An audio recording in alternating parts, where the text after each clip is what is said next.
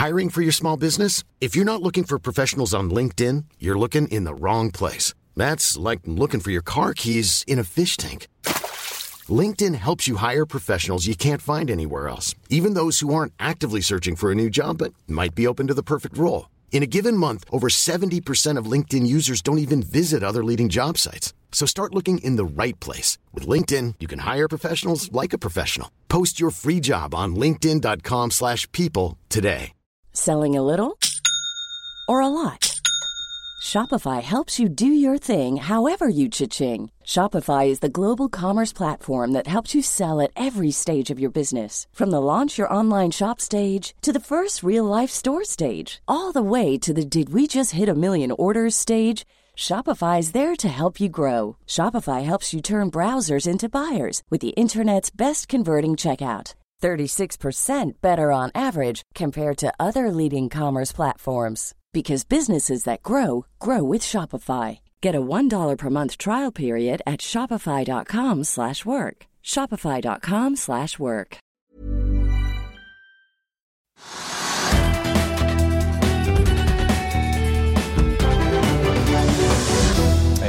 riktig god torsdag og velkommen til Økonominyhetene der oljeprisen er opp og børsen ned. I dagens sending snakker vi med et rederi som kanskje går litt under radaren for de fleste, men som har utsikter til gode tider fremover. Det ble også teknisk analyse av Norwegian, og vi skal høre fra toppsjefen i reiselivsgiganten Expedia. La oss ta en titt på markedet akkurat nå. Hovedindeksen er ned andre dag på rad og ligger nå ned 0,3% Det er aksjer som Avans eh, Gass, Nordic Semiconductor, Nell og seismikkselskapet PGS som trekker ned i dag. Nordsjøoljen eh, ligger på 123 dollar og 70 cent i spotmarkedet nå. Det er opp 0,1% fra sluttkursen i går. Den amerikanske lettoljen ligger like bak på 122 dollar og 10 cent. Og rundt oss i Europa så er det rødt på de aller fleste indeksene etter at det også var nedgang i Asia stort sett i, tidligere i dag. Likevel så peker futuresene på Wall opp etter at vi har hatt to dager med oppgang og én dag med fall i det amerikanske aksjemarkedet. Den store snakkisen i dag er nok aksjesalget i Vår Energi. Aksjen er ned hele 8,3% på Oslo Børs i dag. Det skjer etter at storaksjonærene Eni og Hightech Vision har solgt unna aksjer for 5 milliarder kroner, tilsvarende en eierandel i selskapet på da 5% Det kom en melding i går ettermiddag om at eh, de to søstereierne altså var interessert i å selge unna flere aksjer, noe de også gjorde da under børsnoteringen litt tidligere i år. Aksjene ble solgt for 40 kroner og 20 øre. Det er en rabatt på 13% og det var jo mye spenning knyttet til hvordan prisingen og mottagelsen ville bli da et stort oljeselskap plutselig sa de ville på børs her i fjor høst. Og aksjen har jo steget kraftig bare siden børsnoteringen. Salget fører til at friflyten i aksjen øker til litt over 16% men salget har også satt sinnene i kok flere steder. Aksjonærene DNB Asset Management og Alfred Berg er blant de som nå er ute og ytrer sitt raseri mot at DNB Markets og de andre tilretteleggerne JP Morgan, Morgan Stanley og Sparebanken Markets lot eh, de to storeierne dumpe aksjer i Vår Energi før lockup-perioden gikk ut. Den skulle egentlig løpe i 180 dager, men eh, nå har de inngått en ny avtale på 90 dager, og her raser altså DNB mot eh, DNB. Sitat, det er komisk at det inngår en ny lockup etter at de akkurat har brutt den gamle og vist at en slik lovnad ikke er verdt papiret det er skrevet på. Det sier DNB-forvalter Eivind Vedeng om altså noe det hans egen banks meglerhus har gjort og vært eh, med på. Vi holder oss i oljen, for det er gjort et mindre olje- og gassfunn i Barentshavet, og dermed kan Equinor og partnerne notere seg nok en dose ressurser som de kan fylle på i det kommende Johan Castberg-feltet som er under utbygging. Funnet av Skavl Stø kommer kort tid etter funnet på Snøfonn Nord, som ble annonsert da 25. mai, og ett år etter at man annonserte funnet Isflak. Og det nye funnet er estimert å ligge på mellom 5 og 10 millioner fat eh, utvinnbare oljeekvivalenter, da, ifølge Equinor. TransOcean Enabler-riggen som har boret og gjort funnet, skal nå videre til Goliat-feltet til Vår Energi for å bore utvinningsbrønner der. tar vi med at Skana stiger nesten 8% til 1 krone og 70 i dag. Selskapet meldte i går om at deres statsselskap signerte en kontrakt med Vesttrafikk i Sverige for levering av hurtiglading til elferger i Strømstad. Og så er det en av disse vekst- og tech-aksjene, Airthing, som faller kraftig i dag. Over 13% ned til 399. Selskapet varslet eh, i går kveld at de kutter inntektsguidingen sin for inneværende kvartal, og det blir de altså straffet kraftig for i dagens aksjemarked. Skatec får seg en etterlengtet opptur på 0,5 i dag, til litt over 90 kroner aksjen. Danske Bank tar opp dekningen av fornybarselskapet og går inn med en kjøpsanbefaling og et kursmål på 120 kroner aksjen. Før vi går videre i sendingen, husk at du også kan se sendingene våre ved å gå inn på fano-tv, og at vi også har andre podkaster enn bare Økonominyhetene, som Morgenkaffen, Gründerpodkasten Veien hit, Ukens vintips, Kunstpraten og bilpodkasten Mil etter mil. De finner du ved å søke Finansavisen, der du hører på podkast. Vi skal straks ta litt eh, makronytt, men først dagens aksjetips. Der eh, TGS er en av aksjene vi ser nærmere på. Og jeg vet ikke helt hvordan jeg skal oppsummere det, men la meg prøve. Hvis seismikkbransjen har arrangert fest i år, så er investor Peter Hermanrud nå i baren og bestiller mer å drikke. Hermanrud laster opp i TGS-aksjen og tror på enda høyere kurs, selv etter at aksjen har doblet seg siden nyttår. Det er torsdag, og dette er noen av dagens aksjeanbefalinger fra ekspertene. Tidligere aksjestrateg Peter Hermanrud kjøpte sine første TGS-aksjer i januar og har blitt med på hele doblingsoppturen. I forrige uke økte han posten med en tredjedel. Det er åpenbart at det er et stort skifte på gang i offshorebransjen, sier Hermanrud. I går oppgraderte Carnegie eh, TGS-aksjen til kjøp fra hold og doblet kursmålet til 220 kroner. Med dagens oljepriser er det mange prosjekter med positive nåverdier som ennå ikke har blitt påbegynt. Vi forventer økt aktivitet i fremtiden, sier analytikeren til Finansavisen. Aksjonærlistene viser også at Hermanrud nå shorter Nell. Hydrogenaksjen har falt 60% siden januar 2021. I en betalt analyse har ABG Sundal Collier, eh, analytiker Øystein Lodgaard, tatt en titt på Explora Technologies. Selskapet lager smartklokker for barn og virker å drive sterkt. Aksjekursen har imidlertid falt over 70% siden toppen i starten av 2021. Lodgaard har satt en fair value på aksjen mellom 14 og 28 kroner. I dag koster aksjen 15 kroner, så hvis brikkene faller på plass, kan vi se en dobling i kursen her, skal vi tro ABG. Og TGS-aksjen er ned 1,8% i dag. Nell sliter.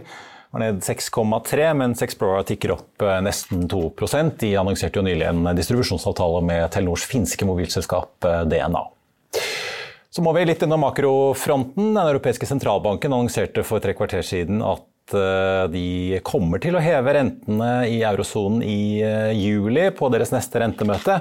og Det blir den første renteøkningen siden 2011. og Det er akkurat som eh, ekspertene og analytikerne hadde ventet i forkant. Det blir også en renteheving i september, men sentralbanken varsler at det kan være mulig at det blir mer enn bare 0,25 prosentpoeng på det møtet, avhengig av utviklingen, da, særlig i inflasjonen. Nå holder imidlertid styringsrenten uendret på minus 0,5 og ECB varsler at eh, de vil få inflasjonen ned på et nivå på 2% på mellomlang sikt. Sentralbanken skriver også at eh, prisene steg betydelig i mai, særlig drevet av energi- og matprisene, men peker også på at inflasjonspresset har breddet seg ut og intensivert seg i eh, eurosonen. Staben i ECB jekker nå opp anslagene sine for inflasjonen nok en gang. Det gjorde de også i eh, mars. Nå eh, forventer de en inflasjon i eurosonen på 6,8% i år. Det er opp fra 5,1 på forrige altså marsmøte sitt anslag. Og neste år så venter de nå en inflasjon på 3,5 Det er opp fra 2,1 på marsmøtet. Kjerneinflasjonen den jekkes også opp og ligger også over da anslagene fra mars. Og ser vi på ECBs anslag for veksten i eurosonen, så ligger de nå på 2,8% i år og 2,1 eh, neste år og i 2024. Og da er vekstanslagene jekket ned for i år og neste år, men opp for 2024. Så har eh, finansminister Trygve Slagsvold Vedum hatt eh, besøk av Det internasjonale pengefondet i dag. IMF er nemlig ute med landrapporten for Norge. og De konkluderer med at vi bruker for mye penger og må stramme inn. I sin ferske rapport så skriver de at som ble overlevert Finansdepartementet i dag, altså, så skriver de at den høye kapasitetsutnyttelsen i norsk økonomi bør føre til en innstramming for å unngå en overoppheting av norsk økonomi. IMF peker på at eh, revidert budsjett er et skritt i riktig retning, men ikke nok. I revidert så økte oljepengebruken med 30 milliarder mot det opprinnelige statsbudsjettet for 2022 som ble da sluppet i fjor høst.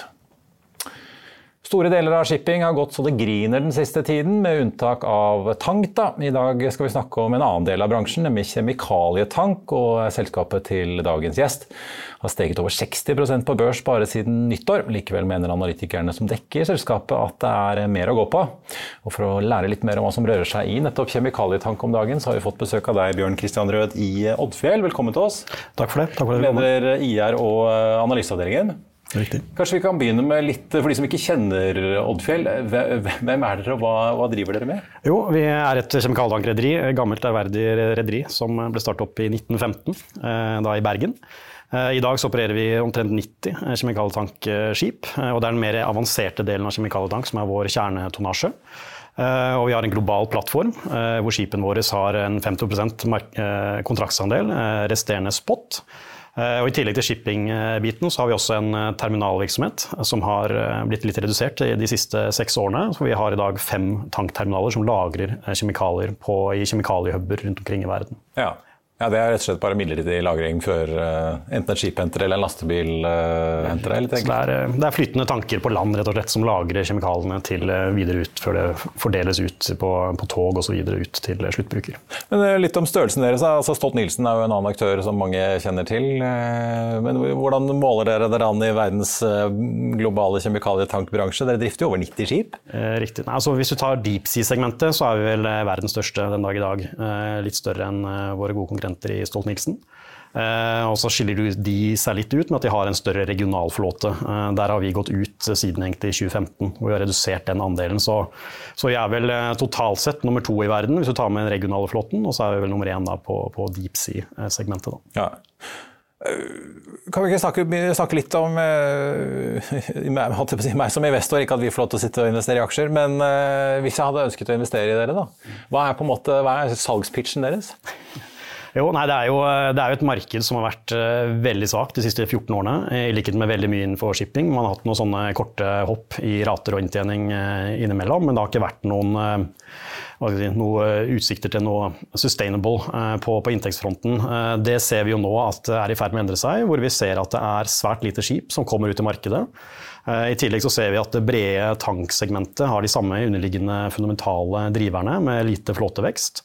Eh, og når det gjelder kjemikalier isolert sett, så ser vi at det er mye kjemikalieproduksjon som kommer fremdeles ut av USA, ut av Midtøsten. Eh, som skal skipes rundt omkring i verden eh, over lengre distanser. Eh, så vi ser jo at historisk så har jo i nautiske mil distansen vært 4000 nautiske mil ca. Og de nye volumene kommer nå og fraktes over 6000 til opptil 12 000 nautiske mil. Ja. Som øker da kapasitetsbehovet for skip. Ja, for Vi snakket med Anders Karlsen i Kepler Sjøvrø, som, som, jo dekker dere for ikke så veldig lenge siden. Han pekte på at uh, Russlands invasjon av Ukraina gjør jo også at uh, på en måte markedet deres, ikke bare deres, men hele bransjen, forskyves litt her. På hvilken måte da? Nei, altså hvis Du tar, eh, du har jo produkttankbiten, eh, som sikkert han også var inne på. Eh, det er, vi er ikke direkte eksponert der, men vi er indirekte eksponert. Og Det er vi ved hjelp av at når produktmarkedet bedrer seg, så vil de skipene som er designet for å frakte produkt, altså oljeprodukter, de går tilbake inn i sitt hjemmemarked. Og ut av kjemikalier. Ja. Ut av kjemikalier. Så du får da veldig mye volumer som ikke har vært tilgjengelig for oss over en periode nå over på, våre, på, vår kjøl. Eh, så Det bedrer jo eh, fleksibiliteten på laster vi kan fylle opp skipene våre med, i tillegg til at tilbudssiden forsvinner, reduseres. Mer direkte impact er jo inntil vegetabilske oljer, hvor Ukraina frakter og eksporterer 80% av solsikkeoljen. Det frakter jo i hovedsak på eventuelt avanserte MR-er og produkttankere eller kjemikalietankere. Der ser vi jo at de solsikkeoljevolumene må erstattes med substitutter. Eh, og der ser vi at eh, det har kommet mye soyaolje inn til eh, Europa, inn til India, og også palmeolje inn til Europa og inn til India som en erstatning. Comeback i sjokoladekjeksen, holdt jeg på å si. Ja. Men ja, for at Dere påpeker jo i siste kvartalsrapporten at dere har jo ikke vært innom noen russiske havner og heller ikke ukrainske havner på, på, mange år. Så det er jo på en måte, dere blir jo mer rammet av at uh, konkurrenter og alternative kilder endrer på bestillingsmønstrene sine. handelsmønstrene sine. Mm. Men Si litt om, om denne flåteveksten. Hvorfor er det så få i bransjen som bestiller nytt? Det er jo en kombinasjon av mange faktorer, eh, men i hovedsak så er det jo at markedet har vært svakt i 14 år. Inntjeningen til rederiene, deriblant våres, har vært eh, veldig svak. Eh, I tillegg så ser vi jo um, at de, den spekulative ordrebølgen vi så i 14-15, som ødela litt av den oppgangen vi så konturene av på det tidspunktet, er nå alt levert. Vi ser at skipene eldes og er klare for å resirkuleres. Og I tillegg så ser vi jo at det er jo et push mot det grønne og dette med nye typer motorer som gir et eh, stort dilemma når du skal bestille skip. I og med at eh, Innenfor vårt segment så har vi ikke noe asset play å snakke om. Eh, så vi skal kjøpe disse skipene og operere de i 25 år. Mm. Så vi gjør jo da et bet fram mot 2040-2050. Ja, for Det sliter jo mange i shipping med nå. Hva skal man ha LNG-drift, hybriddrift, eller hva skal man egentlig drifte på? Riktig. Det, og Det gjør jo at man må tenke seg godt om før man tar på seg den eksponeringen over så lang tid. Så 2050 kommer veldig tidlig i den beslutningsfasen. Eh, og I tillegg så har du bankene. Du skal slite voldsomt med å gå og bestille 10-20 skip med tradisjonell, eh, tradisjonelle motorer. Så er også Det finansielle markedet er ikke veldig giret på å finansiere dette. Nei, fordi Bankene vil si at du har en eller annen plan her om å bli grønnere på, på sikt? Riktig, ja, og eh, Vi vet jo ikke når den eh, effekten kommer. Det kan skje i 2030, 2035 osv. Avhengig av når infrastrukturen kommer ut og hvilken fuel det blir.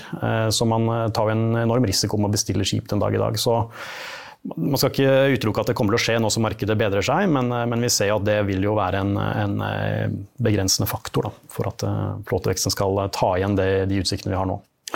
I første kvartal så snudde dere jo et resultatforskap fra minus 14 til litt over 11 pluss millioner dollar mot samme periode i fjor. Mm.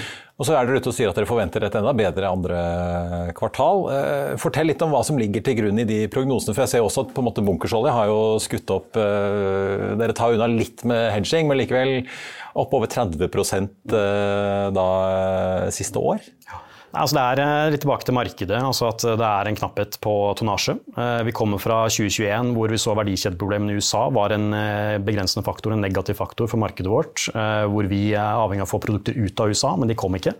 De ble igjen lokalt i USA.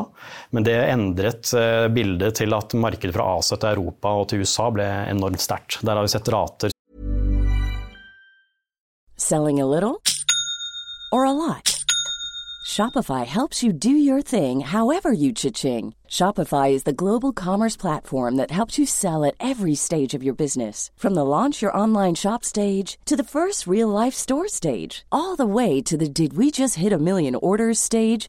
Shopify is there to help you grow. Shopify helps you turn browsers into buyers with the internet's best converting checkout. 36% better on average compared to other leading commerce platforms because businesses that grow grow with Shopify. Get a $1 per month trial period at Shopify.com slash work. Shopify.com slash work. I'll see you in court. Vi sier det ofte litt på spøk, men for deg som driver business, er det aldri moro å innse at du ikke har laget en 100% gyldig kontrakt. Du bør ikke risikere hele firmaet ditt fordi du synes dette med kontrakter er litt stress. En avtale er ikke en avtale. Du kan miste kunder, miste venner, ja, til og med miste inntekter om du ikke lager en skikkelig kontrakt, på alt mulig, egentlig. Men vi vet det er et styr, kopimaskiner, treg printer og haugevis av papir. Dessuten stoler vi jo på folk her i landet. Det er ofte litt kleint å skulle be om en signatur for alt mulig, ja, for mye av styret handler også om jakten på underskriften. Det finnes en enkel måte å løse dette på, Dukkobit, en trygg, effektiv og get this, gratis måte å sikre seg en god natts søvn pluss en juridisk bindende avtale. Dukkobit-appen har de strengeste sikkerhetskrav i bunn, samt en EU-godkjent og sertifisert teknologi. Framover vil det bli behagelig å spørre du, skal vi skrive under på det, eller? Kom i gang på dukkobit.no. Som er nå eh, på all time high. Uh, og så har vi sett nå inn i første kvartal og, og videre at, at uh, markedet også i Vesten har uh, kommet. Og det er rett og slett knapphet på tonnasje, fordi redere ønsker å ha skipene sine i Østen. Der er markedet sterkere, og det gjør at markedet i, i Atlanterhavet har styrket seg. Og så har du dette med produkttankmarkedet, hvor de har forsvunnet ut fra vårt marked, som gjør at det er tilførsel av mye volumer. Hvor du ser at den knappheten som egentlig har vært på kjemikalietank, kommer mer til syne da, i, i inntjeningen. Men jeg ser jo at dere regner med at dere trenger en break-even Eh, på 21 800 dollar i år. Eh, som er litt opp fra tidligere. Er det bare bunkers, altså drivstoffkostnadene, som gjør at eh, den øker? Nei, det handler om endringer i flåtesammensetningen. Hvor vi solgte tre eldre, altså ikke eldre, men mindre regionale skip. Som naturligvis har en lavere break-even-rate. Og, og, da har vi mer, altså en større flåte å ta av med både høyere gjeld og nedbetalingsprofil. Eh, rentekost og OPEX, eh, som gjør at da blir det bare en forskyvning. Men de har også da på andre siden, i andre delen av ligningen, mm. en høyere inntjening. Så, ja. Er det, liksom, er, det noen, er det noen skyer i horisonten i det hele tatt? På en måte For den der oppgangen som dere opplever at dere er i nå? Ja, så Fundamentalt sett på kjemikalietank, med den, eh, vi forventer jo negativ flåtevekst inn i 2023, eh, og ikke noe flåtevekst å snakke om i år, eh, og negativ i 2024. Og etterspørselen til kjemikalier har jo holdt seg veldig sterkt i egentlig all sin tid. Så fundamentalt sett så er det vel, har vi ikke sett et bedre bilde enn på veldig mange år. Så du må nok over i de eksterne faktorene på, på makrofronten eh, osv. med inflasjon osv. Og, så videre, og eh, rett og slett en resesjon. Ja. Eh, det vil jo påvirke kjemikalieetterspørselen. Eh, men vi ser jo nå at vi har i hvert fall noe som fanger da, i bunnen at det er begrenset flåtevekst, i motsetning til tidligere. Hvor du kanskje går inn i en resesjon med en eh, flåtevekst som kommer foran oss. Eh, så det vil være en begrenset faktor. Men, men hvor bekymret er dere for, eh, for at ja, det kan komme en resesjon, rett og slett? Altså, jeg ser jo Stolt-Nielsen blant annet, de peker jo i sin sin kvartalsrapport på at uh, prisene på tankcontainer uh, er nå så høye at de forventer at uh, altså det, det, regner seg ikke for de som skal bestille og betale for denne transporten, rett og slett. Er, hvor reelt bekymret er dere for at ting vil butte imot, når vi ser på en måte de, de anslagene fra ECB og andre om at her skal prisene kraftig opp, og at forbrukerne rett og slett vil begynne å stramme inn? Vi ser jo amerikanerne må starte ut med fem dollar per gallon i, i bensinpris. Ja. Nei, altså Bekymret skal man jo alltid være, men vi er vel bekymret med fatning. Og, tar, eh, og ser på de fundamentale tingene vi kan gjøre noe med. Um, og så ser vi på dette med fraktrater, eh, som nå er høye. Vi ser jo at det er en forsvinnende liten andel av sluttproduktet. Uh, og Det ser vi også på, på kundeoppførselen. at Selv om raten nå er kraftig opp, så er ikke det at det bremser handel uh, noe særskilt. Vi gjorde et regnestykke her på hva hva betyr en økning på 10-20 for, eh, for prisen for noen eh, bukser? Altså inntil polyesterindustrien, når vi snakker om 10-20 eh, cent på mm. sluttpris. Så det er nok ikke der det vil stoppe opp, men vi ser jo alt rundt oss på at det blir en demand destruction innenfor forskjellige økonomier. Det, det er nok ikke å utelukke, så jeg er mest redd for det enn det som skjer innafor i vårt lille univers.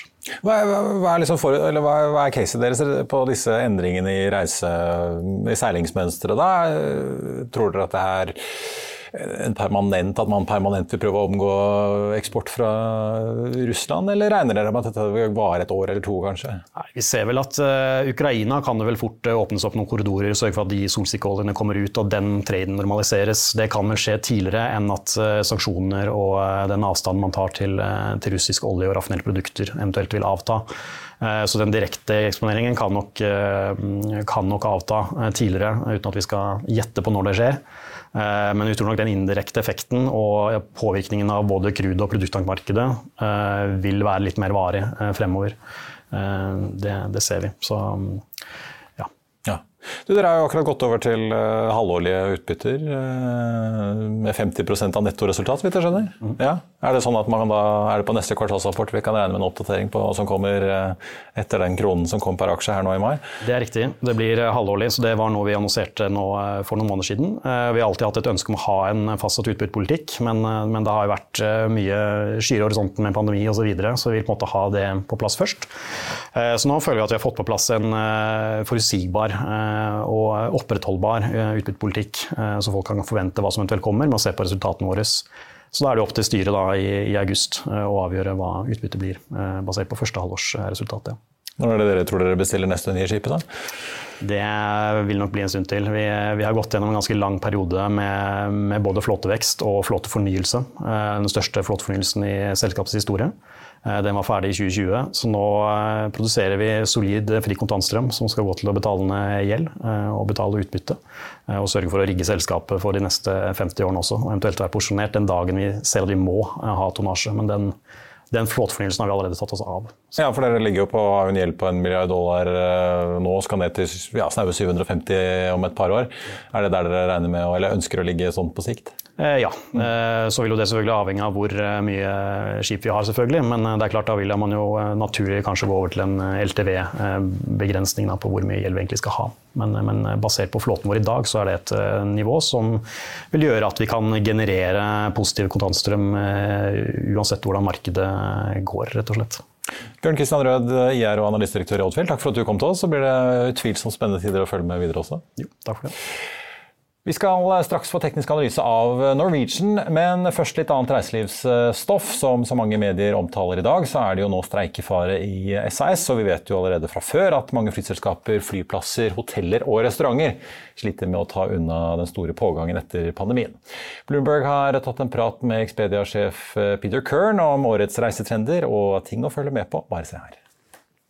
There were a ton of flight cancellations over Memorial Day weekend, jet fuel prices, pilot shortages, hotels struggling to get enough staff. Yep. How is all of this going to affect our summer travel plans? Because we've been dying to travel. Yeah, well, clearly everyone's going to travel somehow. I think there will be disruptions. I mean, we're seeing it in Europe, we're seeing it in the US. Obviously, the shortages of staff create a problem, and we'd love to see more planes in the air. We'd love to see hotels open to full capacity. But in the meantime, I think people are finding options wherever they go, sometimes vacation rentals, sometimes hotels. Uh, they're finding flights domestically if they can't find them internationally, and uh, you know, and, and, we're seeing just about everything filling up. So I think it's going to be a busy time. Uh, either way, but there will always be issues when you're traveling. Well, Delta just cut capacity, for yeah. example, for the foreseeable future. How long does this go on for? Yeah, I don't know. I mean, with the talk that we see on your shows and all the shows about the you know potential recession, the inflation issues, what the Fed's doing, I think it's obviously going to make some companies be more conservative about letting the rope out and getting more aggressive. You know, we were expecting increases in capacity in late summer for international travel. We'll see what happens there. So, you know, we're hopeful. We, we'd like to see uh, the airlines expand. We'd like to see hotels again open to capacity. But you know, I think a lot of CEOs I talk to will probably watch and wait and will tend on the careful side, which will co- continue to constrain supply, keep prices up, which is not great for the consumer, mm-hmm. but you've all seen the prices up. Um, and that looks like it's going to sustain itself for a while. So, if Elon Musk has a super bad feeling about the economy, what does Peter Kern think? Well, I'm no Elon Musk, but uh, and I definitely don't tweet about anything. But uh, I would say, you know, from what we can see of the of the U- U.S. market and the Western markets, where you know there are still markets where people can't travel, and APAC, and that's still going on. But there's tons of pent-up demand. We've seen people wanting to rebound and overspend into travel. They were buying lots of stuff. You had Andy on today. You know they were buying a lot of stuff through COVID. They underspent travel and they saved a lot of money. And we're seeing that rebound and that savings probably come into spending on travel. So that looks pretty robust for us. Uh, when that runs out of gas and what you know the, how the economy lands, who knows? But uh, as we say at our company, that you know we're in a multi-trillion-dollar market. We're a tiny fraction of it still, as big as we are. So we got plenty of room to continue to grow, regardless of the economy. You and I last spoke around earnings about a month ago, and you yep. said, well, maybe we'll see some rerouting from Paris to San Diego. How much of that is happening? You know, we haven't seen it. Again, like you go to Paris, all the luxury hotels are completely sold out for the summer. Um, so we're not seeing a lot of re-rating down. Again, I think people have been planning for this big summer, and they're you know they're all booked way ahead, and everything's booked up. I think as that rolls off, we don't know, but we're not seeing a lot of re-rating down to people looking for cheaper alternatives. But could this potentially be delayed to the fall or holiday travel and yeah again no signs yet there's no like magic date out in november where everything falls off a cliff we're not seeing it in terms yeah. of uh, booking ahead. But you know, we're not making any predictions either. Obviously, there's a lot of noise in the market. There's gas prices and home prices. and we're mindful of that. But again, that's where I think we'll see maybe adjustments to the demand and, and perhaps ADRs start to come down, you know, prices on air and and uh, and hotels, et cetera. But um, so far, there's no sign of easing on price, and there's no real sign that demand is shrinking. Well, speaking of pricing, you just added some new technology that enables customers to track prices, to figure out when the best time is to fly. This is something that Google's been offering for a while. Hopper, you can get it there as well. You know, why why should folks choose Expedia? And and in some cases, are you even discouraging people from from buying now? If they no, if, no. What we're okay. really trying to do is give people confidence. One of the biggest issues that consumers face when picking airline tickets is fear that they're picking the wrong thing at the wrong time. They're going to buy too early and pay too much, or too late and pay too much. So we're trying to give them predictions, so because we have a lot of data, so we can show you what might happen to the price, and we're trying to give you tracking. So if you if you're not ready to purchase, you don't feel like, oh my God, I have to make a decision. You can wait and track it, and when you feel like it's the right time, you can do it. So what we're doing is really more than just uh, tracking a single flight and a single price. We're tracking a whole route system across all the airlines and saying, okay, if you want a nonstop from San Francisco to New York and you check the price and you're not ready to buy, you can watch it and maybe in a week or it moves down or up, you'll make a choice. So airlines see it as an opportunity for us to give uh, customers confidence to book, and that's what they want. So, what does this all mean for Expedia's business? Obviously, we've talked about the share price. Um, there's a, it's not just Expedia, yeah. but the shares are yeah. down, and you've got this uncertainty around the travel season coming up ahead. You know, what's your yeah, what look, do you say to investors? Yeah, we, we don't think about it in short term. We think about it in the long term, and we're not spending a lot of time. I mean, we're obviously thinking about a potential recession, mm-hmm. but we're not we're not planning for it or, or valuing our business that way. We're doing the work to really upgrade the technology. We've talked about it a lot. We've changed, we're changing the whole stack. We're really innovating around customer experience like flight tracking and other tools to shop more confidently, discover better products, find the right fit and match for you, which we don't think has really been in the travel sector mm-hmm. for decades. So we're focused on that work, and we think that's going to un- unleash a ton of business for our supply partners and focused on how that will help our B2B business. So there's a lot of opportunity and a lot to work on and we're not worried about the rest. What are your summer travel plans? Any plans to live on VRBO, Verbo, excuse I, me? I am planning like to spend a big part of July working in London with our teams there and staying in a Verbo. So that's, uh, that's my summer so far. Det er ingen lystig dag på børsen for noen flyinvestorer, egentlig. Norwegian er ned 2,2% i dag. Flyr ned 4,1, Norse Atlantic så vidt under null, mens SAS faller 3,75% til. SAS står jo da midt oppe i en kritisk eh, prosess med en planlagt restrukturering, der vi for eh, tidligere denne uken også fikk vite at eh, den svenske regjeringen ikke har tenkt å bidra i denne emisjonen med noen frisk kapital, og kun da gjeldskonvertering. Og så hadde vi jo da besøk av Oddfjell litt tidligere. De slipper jo sine regnskaper for andre kvartal den 18.8, og meglerhuset DNB Markets er ute i dag med melding om at de har justert estimatene sine for andre kvartal og nå venter de en EBITDA i kvartalet som ligger rundt 10 over konsensus. En aksjen stengte jo på 53 kroner i går, og DNB gjentar nå en, en kjøpsanbefaling, og kursmålet har de jekket opp fra 64 til 65 kroner aksjen. Og den A-aksjen i Oddfjell den har ligget på 53,40 i dag. Det er jo da opp eh, nesten 61% siden nyttår, eller litt over 64 hvis man regner med da denne kronen i utbytte som man fikk i eh, mai. Og siste året er da aksjen opp eh, rundt 80% med og uten utbytte. Og ser vi på listen over andre analytikere som følger Oddfjell, så har samtlige en kjøpsanbefaling. Kursmålene spenner fra 55 kroner i bunn på Norne Securities til 68 kroner på topp, der SEB ligger. Så har jo da denne store snakkisen i dag vært Eh, nedsalget i Vår Energi. Det er jo ikke så ofte vi ser at disse lockup-avtalene brytes, men vi har jo sett det før, bl.a. i Saptek og ikke minst også i forbindelse med børsnoteringen av private equity-aktøren EQT, som fikk mye omtale. Nå er meglerhuset DNB Markets eh, ute med et tilsvar på kritikken. De sier sitat DNB Markets var en av tilretteleggerne for børsnoteringen av Vår Energi og gårsdagens nedsalg. Vi har dialog med våre kunder rundt transaksjonen og har ingen øvrige kommentarer på nåværende tidspunkt Så tar vi også med at eh, Øystein Strauss Betalen eh, trolig er i gang med en ny børsnotering, virker det som. Det kom nemlig en melding litt tidligere i dag fra ST SD Standard ETC, som selskapet nå heter om at de vurderer en rettet emisjon. og for da datterselskapet Standard Supply og da en eh, potensiell børsnotering på Euronext Growth. Dette datterselskapet sitter da innen offshore supply med to skip som de eier selv, og de har også medeierskap i fem til, kommer det da frem i en børsmelding fra selskapet. Da kan vi ta en titt på børsutviklingen akkurat nå. På tampen av sendingen hovedindeksen på Oslo Børs ned 0,7 til 1259 poeng. Ikke overraskende så er det altså Vår Energi som topper listen over de mest omsatte aksjene, med en omsetning da på hele 5,9 milliarder kroner. Aksjesalget til Eni og Hightech Vision var jo også da på en 5 milliarder, så omsetningen eh, for øvrig er jo da på nesten en milliard. På andreplassen eh, følger Equinor, som i motsetning til Vår Energi ikke er ned 9% men ligger så vidt under null, med en omsetning på nesten 700 millioner. Så har vi da Yara ned 3 Aker BP ned 0,4 Rex Silicon eh, og MPC Container ned 2,3 og 4,4% Og vi må ned til SalMar, et stykke ned på listen for å finne en aksje over de mest omsatte som faktisk er i eh, pluss i dag. Movi ligger også for øvrig inne på topplisten, er opp 2,4% SalMar opp 0,4 Oddfjell-aksjen ned 0,4% i dag. Så får vi også ta med noen av disse aksjene som eh, ble snakket om i aksjetips i dag. TGS er ned 1,9% Nell er ned 6,9 Explorer ned 0,1, mens alle disse flyaksjene altså ligger solid i minus. Flyr er nå ned 3,7% Norwegian 2,2.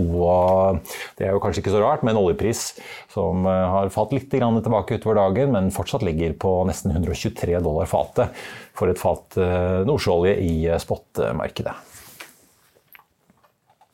I Finansavisen i morgen så skriver Trygve Hegnar i lederen sin om meningsmålinger, og at det går rett ned for statsminister Jonas Gahr Støre. Og Apropos kjemikalietank, i morgen kan du lese om noen som faktisk investerer i nye kjemikalieskip. Du kan også lese om at en norsk by er på listen over verdens dyreste. Så blir det børsintervju med forvalter Thomas Johansen i Sparebanken Møre, og mye, mye mer stoff fra børs og næringsliv. Og Da er vi ved slutten av denne sendingen. Følger du sjømat, så få med deg resultatoppdateringen fra Atlantic Sapphire, som er ventet klokken 16.30, med en webkast som følger da klokken 17. Nyhetene derfra kan du selvfølgelig følge på fa.no. I morgen er det fredag, og da er vi på luften igjen klokken 13.30. Vi venter jo da spent på morgendagens inflasjonstall, ikke bare her fra Norge og SSB, men også de amerikanske. Mens da SSB slipper sine på morgenen klokken åtte, så kommer de amerikanske da 14.30, og de får du da selvfølgelig mer om på fa.no sammen med alt av siste nytt utover dagen da i morgen. Mitt navn er Marius Lorentzen. Takk for at du så eller hørte på i denne omgang. På gjensyn.